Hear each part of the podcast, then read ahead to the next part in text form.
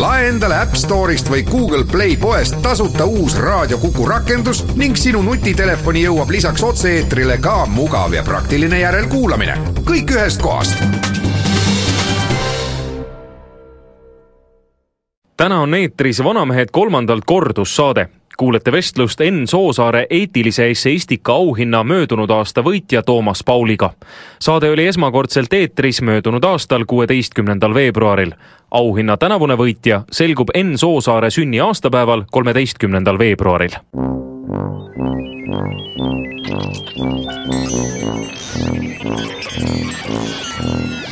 vanamehed kolmandalt vanamehed aitab kolmandale Eesti Koostöökogu. Enn Soosaare Sihtasutus ja LHV Pank on igal aastal välja pannud auhinna eesti keeles kirjutatud ühiskondlikke teemasid käsitleva eetilise essee eest ja mul on rõõm tervitada täna meie saates kahe tuhande kolmeteistkümnenda aasta laureaati, kelleks on Sutlepa kabeli õpetaja Toomas Paul, tere! tere! õnne on juba soovitud ja siin kuulajale tuletan meelde, et Toomas Paul kirjutas möödunud aastal Maalehes terve hulga eetilisi esseid ja neist üks, Aus vale, vale ausus, oli siis niisugune, mis žürii arvates oli möödunud aasta parim. Aga olnud siis möödunud aasta žürii esimehe ülesannetes, saan kinnitada žürii nimel, et et väga häid lugusid oli palju, aga teisipidi saan öelda, et peaaegu kõik žürii liikmed just selle loo asetasid esimesele kohale. nii et veel kord palju õnne! tänan andmise eest ja mm, ei saa jätta ütlemata, et tegelikult olen ma ikkagi parasjagu üllatunud, mitte sellepärast, et äh, autasu saan, seda on ka muidugi meeldiv saada, aga eetilise essee eest äh, see tähendabki, et ma ei ole iialgi neid kirjutades eh, mõelnud selle sõna peale, pigemini üks Sirbi lugu, absoluutse nihilisti eetika sisaldab sellist eh, sõna, aga noh, see on eh, hoopis teist laadi asi. ilmselt võib-olla midagi eetilist tulebki välja siis, kui sa ei mõtle sellele, et sa seda teed eks nõnda ju kirjutas ka Enn Soosaar, üritades olla Eesti ühiskonnas moraalseks majakaks ja nüüd peale tema lahkumist on kõik päris üksmeelel, nii nagu tegelikult paljud ka tema eluajal, et et nõnda ta ju oligi, üritades ühtlugu küsida, kas ühiskond on õigel või valel teel, kas üks või teine asi on eetiline, ebaeetiline. Aga niisiis, see põhiküsimus, kuidas aru saada, mis on hea ja mis on halb tuli meelde ka Faustist see koht, kus äh, Mephistooteles ütleb äh, Faustile, et et tema on osa sellest jõust, kes ühtlugu kavatseb kurja, aga korda saadab head. siis on palju inimesi, kes kavatsevad head, aga kogemata või selle tõttu, et pole, ei ole küllalt teadmisi või küllalt ettenägemist, teevad halba. juuras on see asi noh, suhteliselt lihtne juristipilguga vaadates. et kui näiteks on toimunud liiklusõnnetus, on ohvrid, üks autodest on ületanud kiirust, olnud vastassuunavööndis, noh, siis on selge, kes põhjustas, kes on süüdi, kas ta tahtis või ta ei tahtnud, ikka mõistetakse süüdi. aga kuidas sina kauaaegse vaimulikuna, kirikuõpetajana, kuidas sina oled enda jaoks selle hea ja halva lahti mõelnud? Siin on äärmiselt suur erinevus. kui Enn Soosaar kirjutas, ma tundsin teda üsna hästi ja me saime sageli kokku, siis ta oli tõepoolest mees, kes eh, kõike kaalus eetika põhjal ja kellel olid väga selged kriteeriumid, minu jaoks liigagi selged. noh, ta ei kannatanud näiteks endiseid, endiseid kommuniste üldse välja. ta jaoks oli maailm palju täpsemalt paika pandud, kui niisuguse tavalise vaimuliku jaoks, kelle tööst mingi osa moodustab eh, nõndanimetatud hingehoidlik kõnelus. kui ma olin siin Tallinna Jaanis, siis uh, uks oli ju lõpuks lahti kõigile ja sugugi ei tulnud ainult oma lambukesed, vaid väga-väga sageli olid igasugused muud inimesed, eriti üheksakümnendatel segastel aegadel, kes tulid oma hingehädadega, oma nõutusega, kas ma olen õigesti või valesti toimunud, mida ma nüüd tegema peaksin, mis on hea ja mis on halb. ja see tähendab, et äh, teoloogi, äh, kirikuõpetaja hingekarjase jaoks ei ole siin liiga täpselt need asjad paigas. kui minevikku mõelda, siis oli aeg, mil jurist ja preester kohtunik ja preester langesid kokku. Iisraeli rabi mõistis jumala õiguse põhjal eh, seadust nii, nagu mulla Muhamedi usus praeguseni on mitte niivõrd teoloog, mis seal teoloogiga niivõrd tegemist on, kuivõrd eh, tema on, seal ei ole niivõrd eh, teoreetiliste targutustega tegemist, kuivõrd Eh, seaduse praktilise ellurakendamisega. ja eh, siin, kui lubad, ma räägin ühe, mulle, mulle hirmsasti meeldivad anekdoodid. väga hea. Eh, mulla Nasreddin ei olnud just niisugune päris reeglipärane ja korra tuleb tema juurde mees, kes kaebab üleaadse peale, missugune jõletis see on, missuguseid tükke ta teeb ja mulla vastab talle, jah, sul on õigus. natukese aja pärast tuleb naabrimees ja räägib täpselt vastupidi, missugune kiuslik ja, ja vastik vennas see tema üleaedne on. mulla vastab, jah, sul on õigus. Naine, kes oli mõlemat vestlust pealt kuulanud, tuleb vihaselt eh, Nasreddini juurde ja ütleb, mis jutt see on ühele sa ütled, sul on õigus ja teisele ütled, ja sul on õigus. kuidas siis niimoodi saab? mulle vastab, jah, sul on õigus. tähendab, eh, juriidikas peab ära ütlema, kes on süüdi, ka siis, kui kaks purjusmeest sõidavad mõlemad niimoodi, et pauk käib eh,, ikkagi tuleb otsustada, kumb nendest süüdi on, kaks ei saa süüdi olla ja kaks ei saa süütut olla. aga kui ei ole vaja sellist tingimata lõplikku otsust, mille äh, kirikuõpetaja võib jätta taevase kohtuniku kätte, siis ei ole paraku leida alati seda, mis see õige on vot millele tahtsin võib-olla tähelepanu juhtida, ehk esialgu ebaõnnestunult, oli see, et noh, õigusteaduses eristatakse subjektiivset ja objektiivset külge. et öeldakse küll, et tähtis on ka see, mida inimene südames kavatses. aga teisipidi on tõsi, et üldiselt me ju ei saa teada, mida inimene kavatses. Harva paneb ta kirja või räägib kellelegi, et mul on nüüd kavatsus minna ja ja teha sellele või teisele halba, ja pealegi, kui inimene räägib, siis vahel ta kahjuks või õnneks ei räägi seda, mida ta sisimas tunneb ja mõtleb. Nii et me tegelikult seda subjektiivset külge väga sageli teada ei saa, ehk siis seda, kas inimene tegelikult suhtus teise inimesse või teise inimese varasse või või ühiskonda tervikuna halvasti, lugupidamatult, kuritahtlikult või mitte. ja siis on see objektiivne külg, see, et on juhtunud mingi õnnetus, kellelegi on tehtud viga. ja siis ma olen mõelnud, et võib-olla juura selles mõttes tõesti, ta peab olema lõplikum ja ta peab rahuldama ühiskonna soovi selle järele, et keegi oleks süüdi muide jagatud süü on isegi olemas, aga noh, tihtipeale see tähendab, et mõlemad pooled tunnevad, et neile on tehtud äh, liiga. Nii nagu oli omal ajal omandireformi puhul, et väga sageli mõlemad vaidlevad pooled olid täiesti veendunud, et kohtuotsus on vale, sellepärast et kumbki tahtis tervet õigust, tervet selget õigust endale. aga et ühiskond tegelikult nõuab seda, et jagatakse see hea ja kuri väga selgelt ära. kas sinul ei ole seda muljet? ühiskond tahab loomulikult aga ta tahab seda, nii nagu omandireformigi puhul äh, näha võis iseenda seisukohalt. Ja siin ma läheksin natukene kaugemale, kui hakata otse nendest kaasustest äh, peale. Läheksin piibli pattu langemise loo juurde.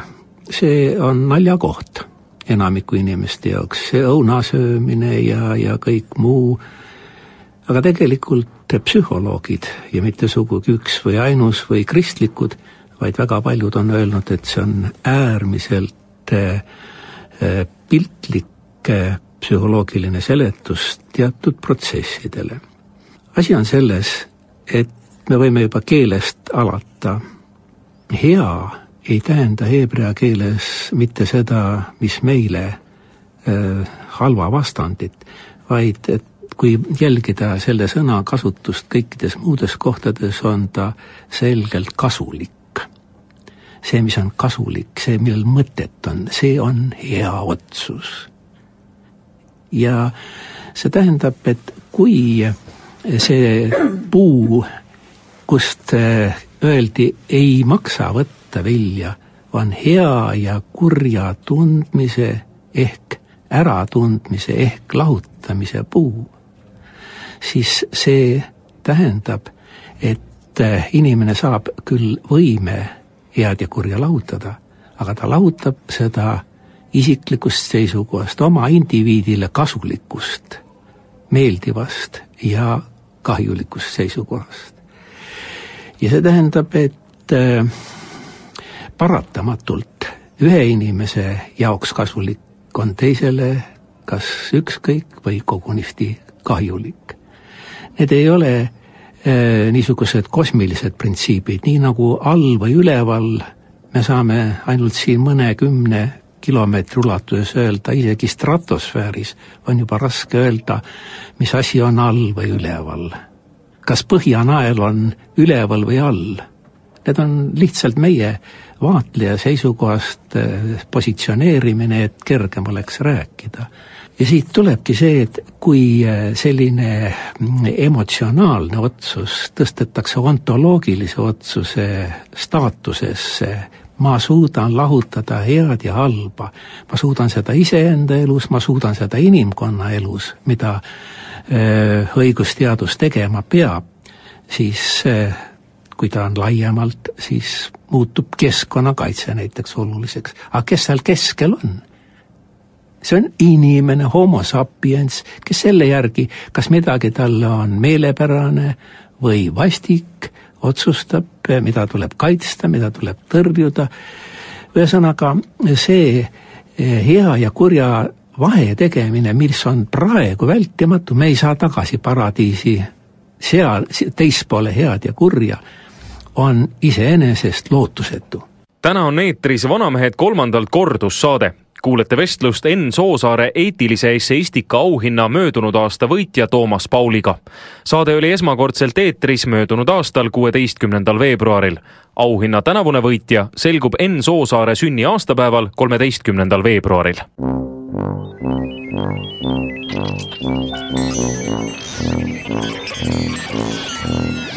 Vanamehed kolmandalt. Vanamehed aitab kolmandale Eesti Koostöökogu. jätkame saadet, räägime täna heast ja halvast, küsime, kuidas neil kahel vahet teha.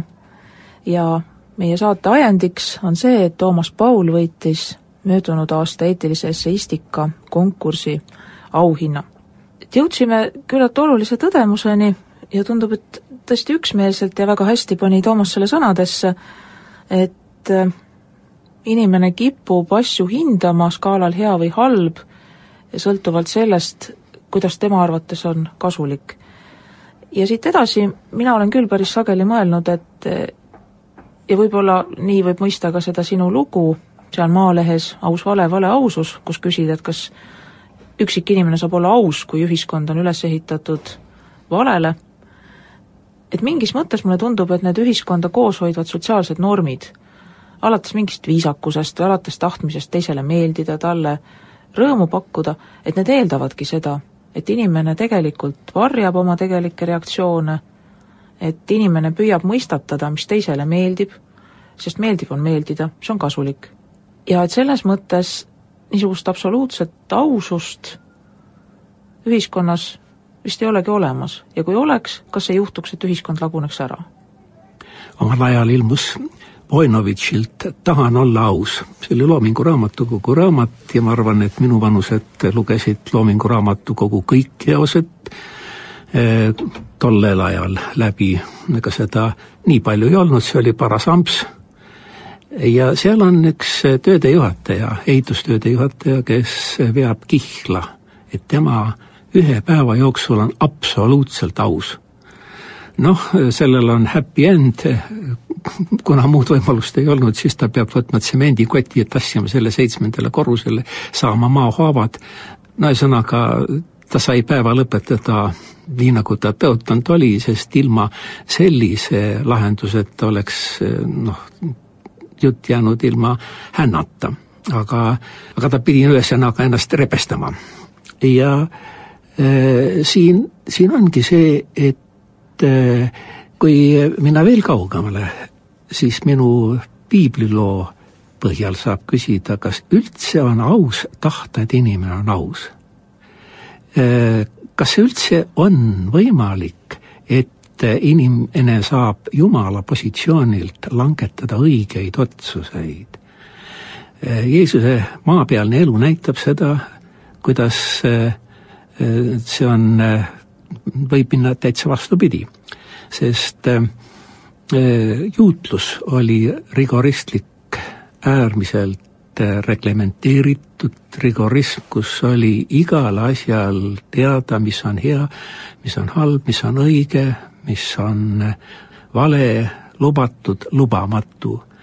ja siis tuleb tema ja pöörab äh, asjad pea peale ja need inimesed, kes olid diskvalifitseeritud lootusetult autoteks, no näiteks Tölner, kes kasseeris raha okupantide heaks. tema puhul leitakse neid jooni mis talle rohkem lootust annavad, kui need, kes mündist ja tüllist, tillist oma kümnise maksid, kes tegelikult äh, aiaviljadelt ei pidanud kümnist jumalale võtma, see oli ainult äh, põlluviljadelt, aga igaks juhuks nad pakkusid rohkem, ma toon selle ainult ühena näidetest. ja seal on mees, kes äh, halastamatult koorib nii riigi kui ka loomulikult oma kaukakese jaoks. see tähendab, et äh, küll oleks hea, kui meil oleks lootust, aga siin on, siin ongi see, et äh, teoloogina ma saan ainult öelda, et see saab olla väärlootus, et me saame teada, mis on õige ja mis ei ole õige, sest see on ähm, miks teoloogid nii tähtsaks peavad seda patulangemise lugu kui sümbolit, on superbia.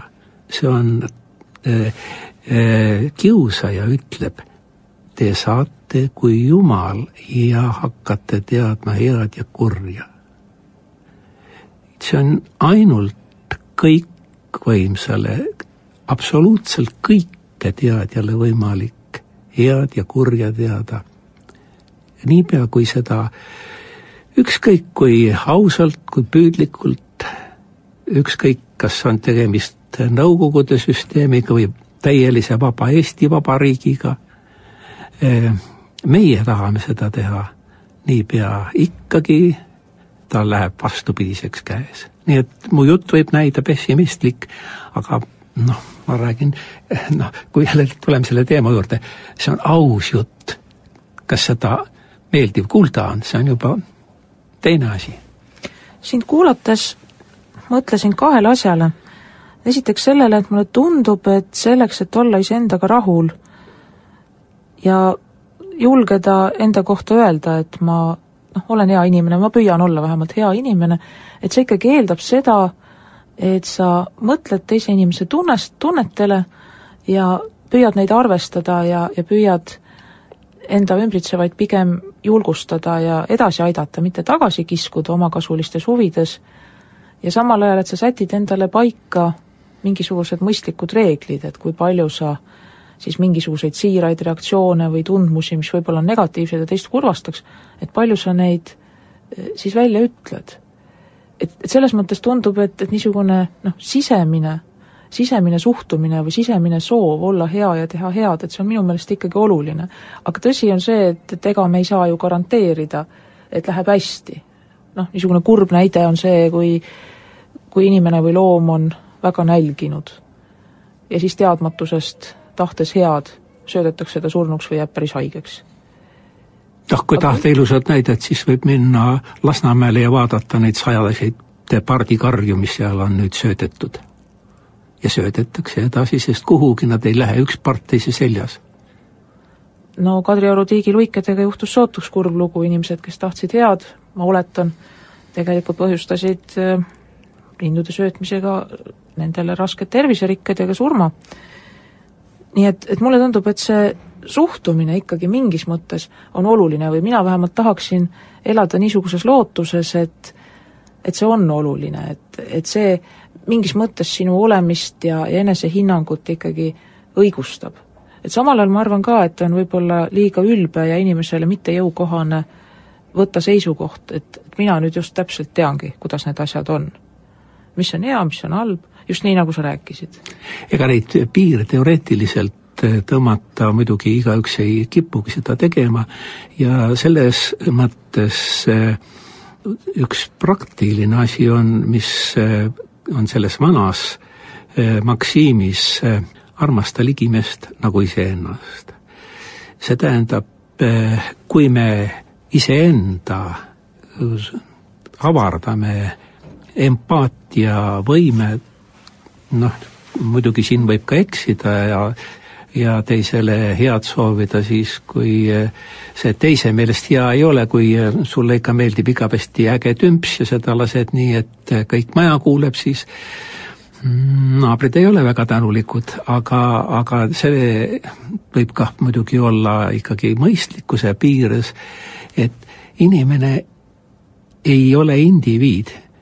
Individus on ladina keeles äh, lahutamatu in, ei saa divideerida. seesama, mis äh, kreeka atomos, aatom. ja äh, kui sa võtad ennast selle terviku ühe osana äh,, siis siis arvatavasti on võimalik palju talutavamaid lahendusi leida ja ise osutuda kaasinimestele palju talutavamaks tegelaseks, kui kogu maailm ei piirdu sinu oma nahaga, sinu oma koduga, sinu oma mõttemaailmaga, vaid, vaid see on tüki maad avaram, et sa teadlikult lasedki nendel emotsioonidel pigemini valitseda, mis ühendavad, mis on ühised, mis lasevad teisel natukene teistmoodi olla, senikaua, kuni ta just ülejäänutele kahjulikuks ei osutu. et see on see ahintsa.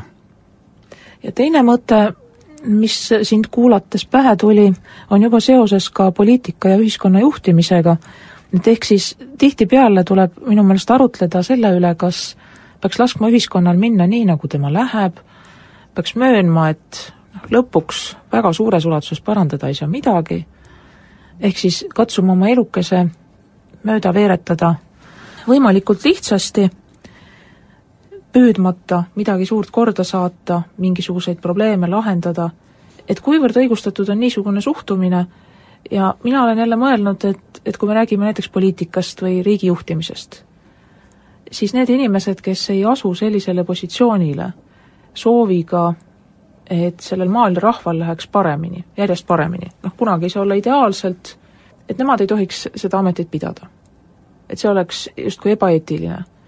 Asuda kõrgele valitud positsioonile üksnes selle eesmärgiga, et saada osa nendest hüvedest, mis selle positsiooniga kaasnevad, nagu näiteks tuntus, aga sageli ka materiaalsed hüved, on seal siis ametiauto või küllalt kõrge palk, võimalus reisida, kui ainult need on need motivaatorid, et siis tegelikult eetilist õigustust eh, olla ühe ühiskonna juht ja juhti on vist ju ikka vaja või juhte, et siis mulle tundub, et seda ei ole ja järelikult äh, inimese ülesanne peaks olema ka see, et ta mitte lihtsalt ei mõtle enda ja siis teise inimese, ligimese tunnetele ja, ja nii-öelda niisugusel mikrotasandil ei mõtle, vaid et ta mõtleb ka suuremal tasandil ja mulle tundub, et hea inimene peaks püüdma anda oma panuse selleks, et ka suuremas plaanis läheks järjest paremini. Põhimõtteliselt nõus, aga kahjuks ma pean täitsa teist juttu rääkima, sest äh, lisaks mu baasharidusele teoloogina, mis jääb juba kaugele, mida ma natuke haaval võib-olla täiendan, aga praegu ma loen ikkagi hoopis muid asju, on siin bioloogil või siis ka psühholoogi seisukohalt teatud piirangud.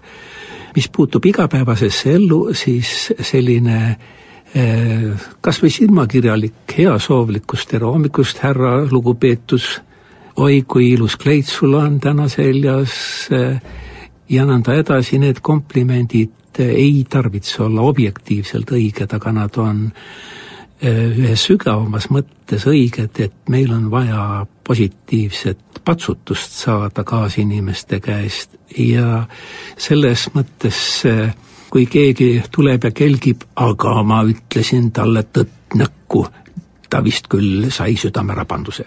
kes sa oled sina, et sa siin südamerabandusi toodad suure mõnuga aga kui rääkida nüüd sellest, mida sa ütlesid, et kuidas siis selle valitsemisega on, kas igaüks peab muretsema selle eest või ei, kas käega lööma või mitte, siis ähm, suuresti võiks virisemise vist küll ära jätta, sest äh, me elame ikkagi suuresti sellises maailmas, kui me elame ja paljud asjad äh, ei ole paremini tehtavad, ma olin noh, kümme-viisteist aastat Äh, kiriku juhtkonnas. aeg oli muidugi sandim, kus seal vähem otsuseid langetada sai, aga mul on nii meeles, kui kriitiline ma enne olin ja kuidas ma siis mõtlesin, aga mis valikuid meil on? kas me paneme selle mehe sinna koha peale või ei? no kust meil neid teisi seal võtta on?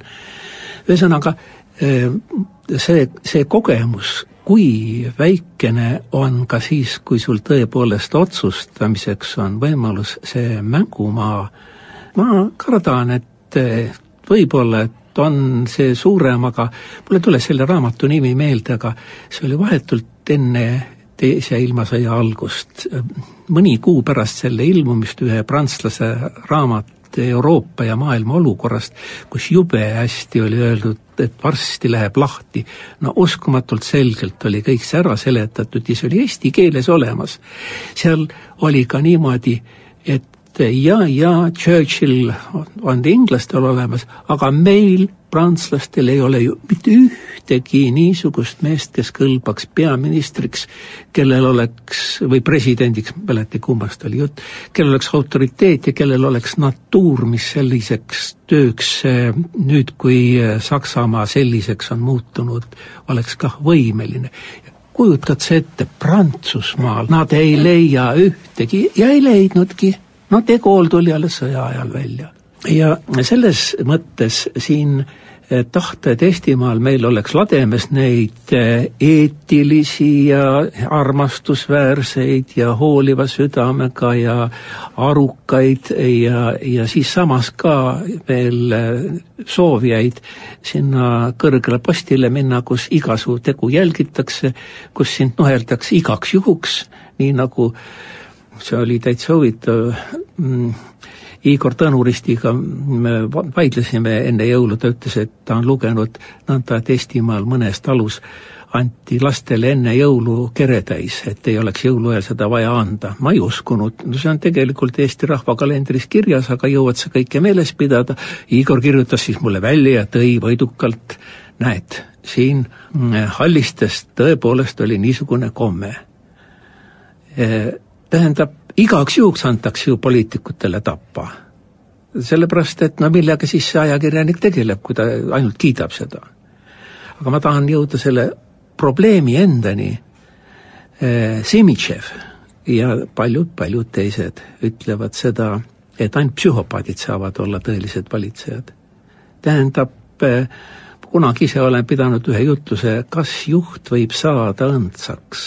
ma kardan isegi kirikujuhid ei ole Dantel sugugi vale, kui ta ähm, mõnedki nendest põrgusse saadab. parimad juhid ei saa olla sentimentaalsed. midagi ei ole teha. see eeldab monomaaniat, see eeldab selle heaks ohverdada võimelistust, et sa oled hea. no võtame Antoine de Saint-Exupéry Öine lend. no Exupéry puhul ometigi võib ütelda, et oli hea südamega, ei saa olla niisugune, et ise kah küünik, nagu mõne, mõne muu puhul võiks selle süüdistusega välja tulla.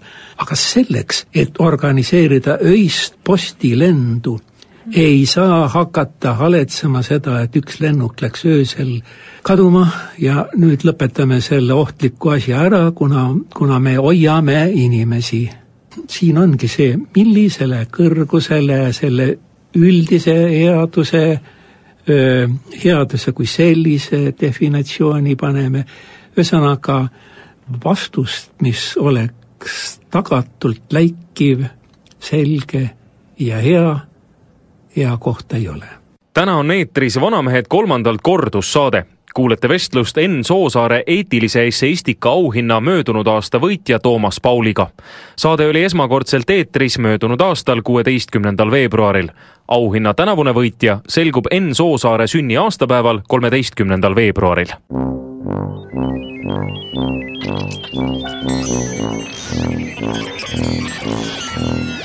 vanamehed kolmandalt. vanamehed aitab kolmandale Eesti Koostöökogu. Läheme jutuga edasi, reklaamipaus kuulatud, Toomas Paul ja Ülle Madise ja püüame siin arutleda, mis on hea, mis on halb, kas ühiskonna juhi positsioonil on võimalik õndsaks saada ja oleme puudutanud ka paljusid muid küsimusi. siitsamast poliitikaga jätkakski, aga enne veel üks väike vahelepõige, sa ennist mainisid, et näiteks kui lähed hommikul tööle või kohtad tuttavaid, ütled daamile, et küll ta näeb kaunis välja, või ütled kellelegi teisele midagi muud head, siis minule jälle tundub, et üks hea inimene ütleb seda siis, kui ta nii arvab.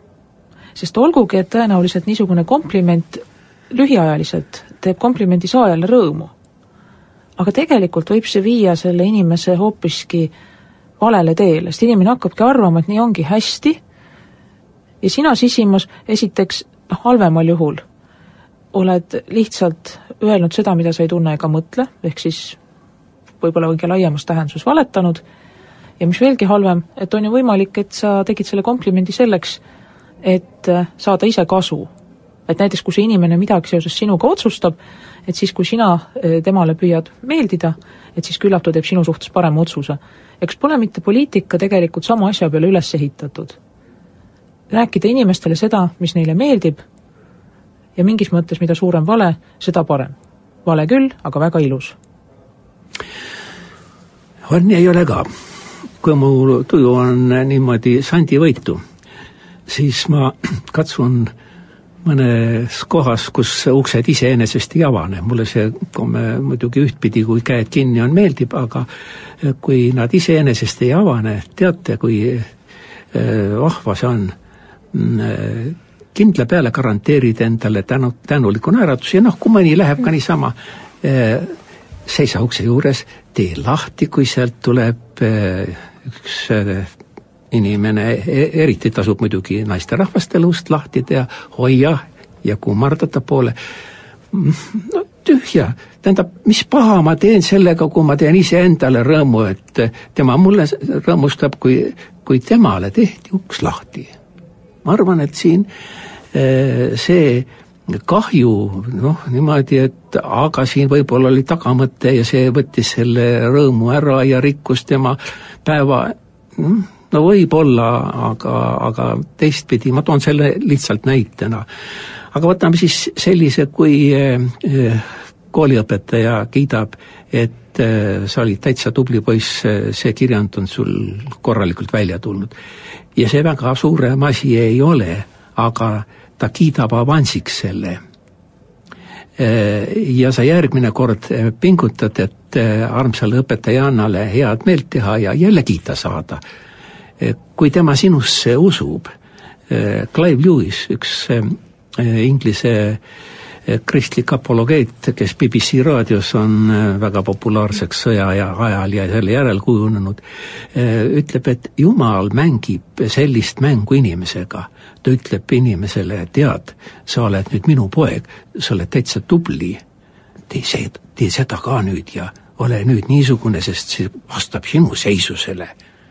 et see on avanss, mis paneb tegutsema, mitte selle asemel, et öelda, et sa oled üks hukkamineja ja lootusetu tüüp eh,, antakse sulle lootus ja kas me üksteisele siis ei või nõndamoodi väikselt lootust anda.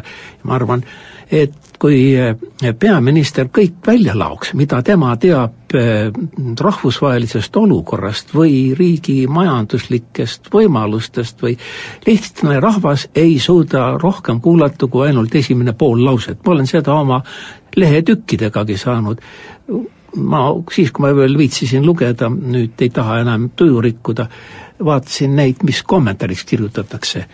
armas taevas, nad ei ole üldse lugenudki kaugemale kui esimesed kolm lauset ja juba hakkavad õiendama ja järgmised õiendajad ei loe isegi seda kolme lauset, vaid ainult õiendajaid. no kuidas sa saad sihukese seltskonnaga aus olla? mina küll arvan, et, et nii nagu arst ei saa seletada, et üheksakümmend protsenti on su lugu täitsa lootusetu, vaid ta ütleb sulle mesimagus häälega, teate, kümme protsenti paraneb, väänab selle asja hoopis teiseks. jah, siin on ta aus ja ta tahab head. ja, ja jällegi, tegelikult oleme jõudnud selleni, et see küsimus on palju keerulisem, kui esmapilgul paistab, et tegelikult on võimalik olla hea juht ja just nimelt oma ülesannete kõrgusel siis, kui sa sead inimestele realistlikke sihte annad neile lootust ja julgustust ja samal ajal sa ei peta neid, sa ei ürita neid äh, sohu juhtida. Ja sa tegelikult kuritahtlikult ei lõika iseendale selle tegevusega loorbereid ja jõuamegi sellesama subjektiivse küljeni tagasi, et kui sa niiviisi toimid juhina ja sinu siht on see, et läheks rahval paremini ja sa tead, et paremini läheb siis, kui sa jätad mõne asja ütlemata ja mingit asja näitad võib-olla veidi ilusamas valguses, nii nagu see sinu näites toodud arst, kes mitte ei lajata, et noh, mis siin ikka, üheksakümnest lõpp letaalne, vaid ta ütleb kenasti, aga kümme protsenti paraneb. et, et võib-olla see ongi see ülesanne. ja selles mõttes jah, võib-olla tulekski tegelikult paremini mõista ja vähem hurjutada neid, kes on selle juhtimise koorma võtnud. sest teisipidi olen mõelnud jälle sedagi, et et kui et kui neid, kes juhtimise koorma võtavad, nii lakkamatult ja vahel ka õigustamatult hurjutatakse, et siis võidakse jõuda selleni, et valitsemise vastutust ei võta enam mitte ükski hea inimene, ehk siis mitte keegi, kelle sihid on tegelikult südames head, vaid pigem satuvad sellistele kohtadele just nimelt need, kes tegelikult tahavad sinna minna selleks, et saada osa hüvedest ja kes võib-olla üleüldse ei hooli sellest, mida nendest arvatakse, ja kas pole nõnda, et kui inimene ei hooli, mis temast arvatakse, siis tegelikult just selline inimene tuleb juhtivalt kohalt hoida võimalikult kaugel eemal? kui oleks instants, kes seda hoiab, äh, kui äh, omal ajal Jumal pani kuningad paika, siis võis Jumalalt paluda, et äh, võta ära ja anna meile uus ja parem kuningas aga jälle tuleb üks eh, Muhamedi lugu, need on eh, noh, niisugused araabia lood mulle meeldivad eh,. Üks kaliif on tuntud oma julmuse poolest eh, ja sellega, et keegi teda ei armasta ta luusib nii nagu, nii nagu nad ikkagi armastavad incognito öösel luusida ja tema ka käib ja kuulab, kuidas igal pool kirutakse ja palutakse, et Allah korista ära see meie vastik kaliif. aga ühes hütis palutakse Jumalat, Allah, anna talle pikka iga meie armsale valitsejale. jätab selle koha meelde ja järgmisel päeval laseb tuua selle mammi trooni ette ja küsib, miks sina palud kaliifile pikka iga, kui teised kõik kiruvad? Heidekene langeb põlvili ja palub, ütleb, et tead, kui su vanaisa valitses, palusin mina ka niimoodi koristada ära. ja siis tuli su isa, et oli tüki maad hullem kui su vanaisa. ja ma palusin ikka, Allah, alasta ja koristada ära. ja siis tulid sina. ma ei tea, mis siis veel saab, kui sind ära koristatakse. see on, et eh, maailmas valitseb positiivne ja negatiivne tagasiside, need on tehnikaterminid. positiivne tagasiside on eh, nii nagu lumepalliga või siis eh, piduriteta jalgrattaga mäest alla sõitmisel. hoog aina kasvab, kuni käib pauk. negatiivne tagasiside on eh, nii nagu termostaadil, et kui temperatuur teatud piiri ületab, siis lülitatakse küttekeha välja ja Äh, see, mida sa tahaksid, oleks, et meil termostaat oleks olemas, et see negatiivne tagasiside oleks positiivne, sest äh, Allahilt ega kristlaste jumalalt äh, tänapäeval lootajate vahele segab nähtavasti äh, ei ole enam seda, aga kust me leiame selle, kes segab vahele, enne kui asjad halvaks lähevad. tähendab, et äh, milline peaks see institutsioon olema, kas Riigikogus, kes võtab maha valitsuse või valimistest valimisteni on kole pikk aeg.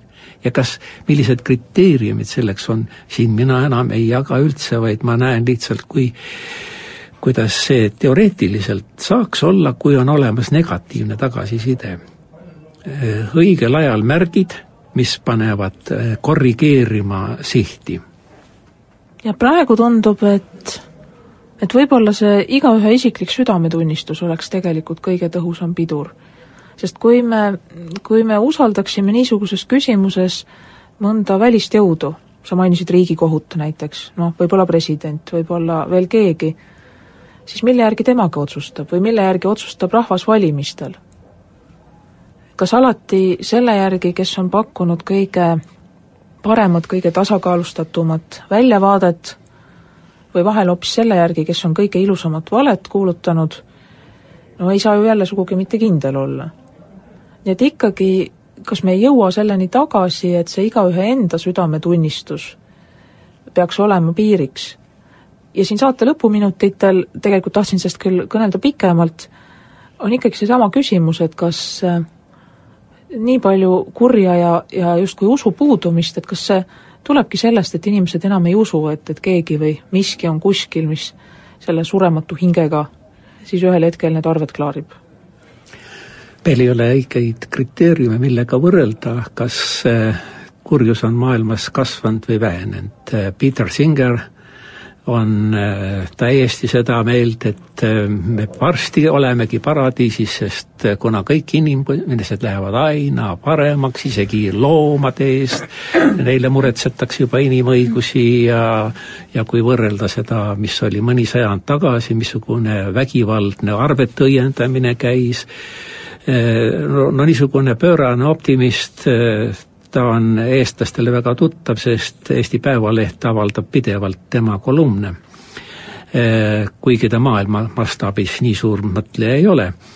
Eh, see tähendab, et on võimalik leida ka niisuguseid kriteeriume, mille põhjal näha, et eh, inimkond areneb progressi suunas ja maapealne paradiis on üsna-üsna lähedal teiselt poolt aga on see, et kui võtta globaalselt, siis me ei tea üldse, kui kaugel on Kesk-Aafrika Vabariik.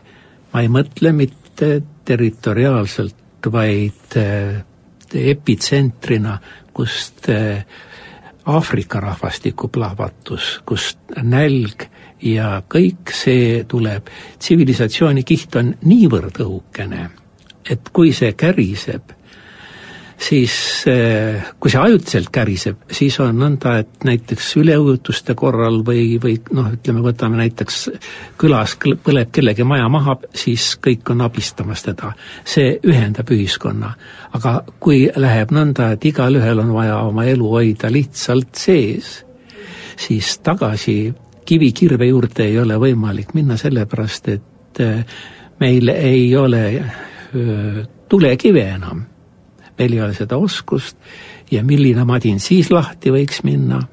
nii et need stsenaariumid on nõnda, et me võime oma väikesel põllulapil hoida umbrohud eemal, südametunnistused korras ja lasta päevalilledel ilusasti kõrgel kasvada, aga me ei tea, millised ohakate vägi tuleb meile varsti peale. aitäh selle vestluse eest, Toomas Paul, aitäh kuulajaile, kuulmiseni!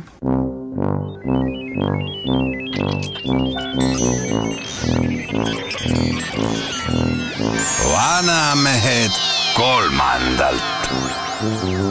vanamehed aitab kolmandale Eesti Koostöökogu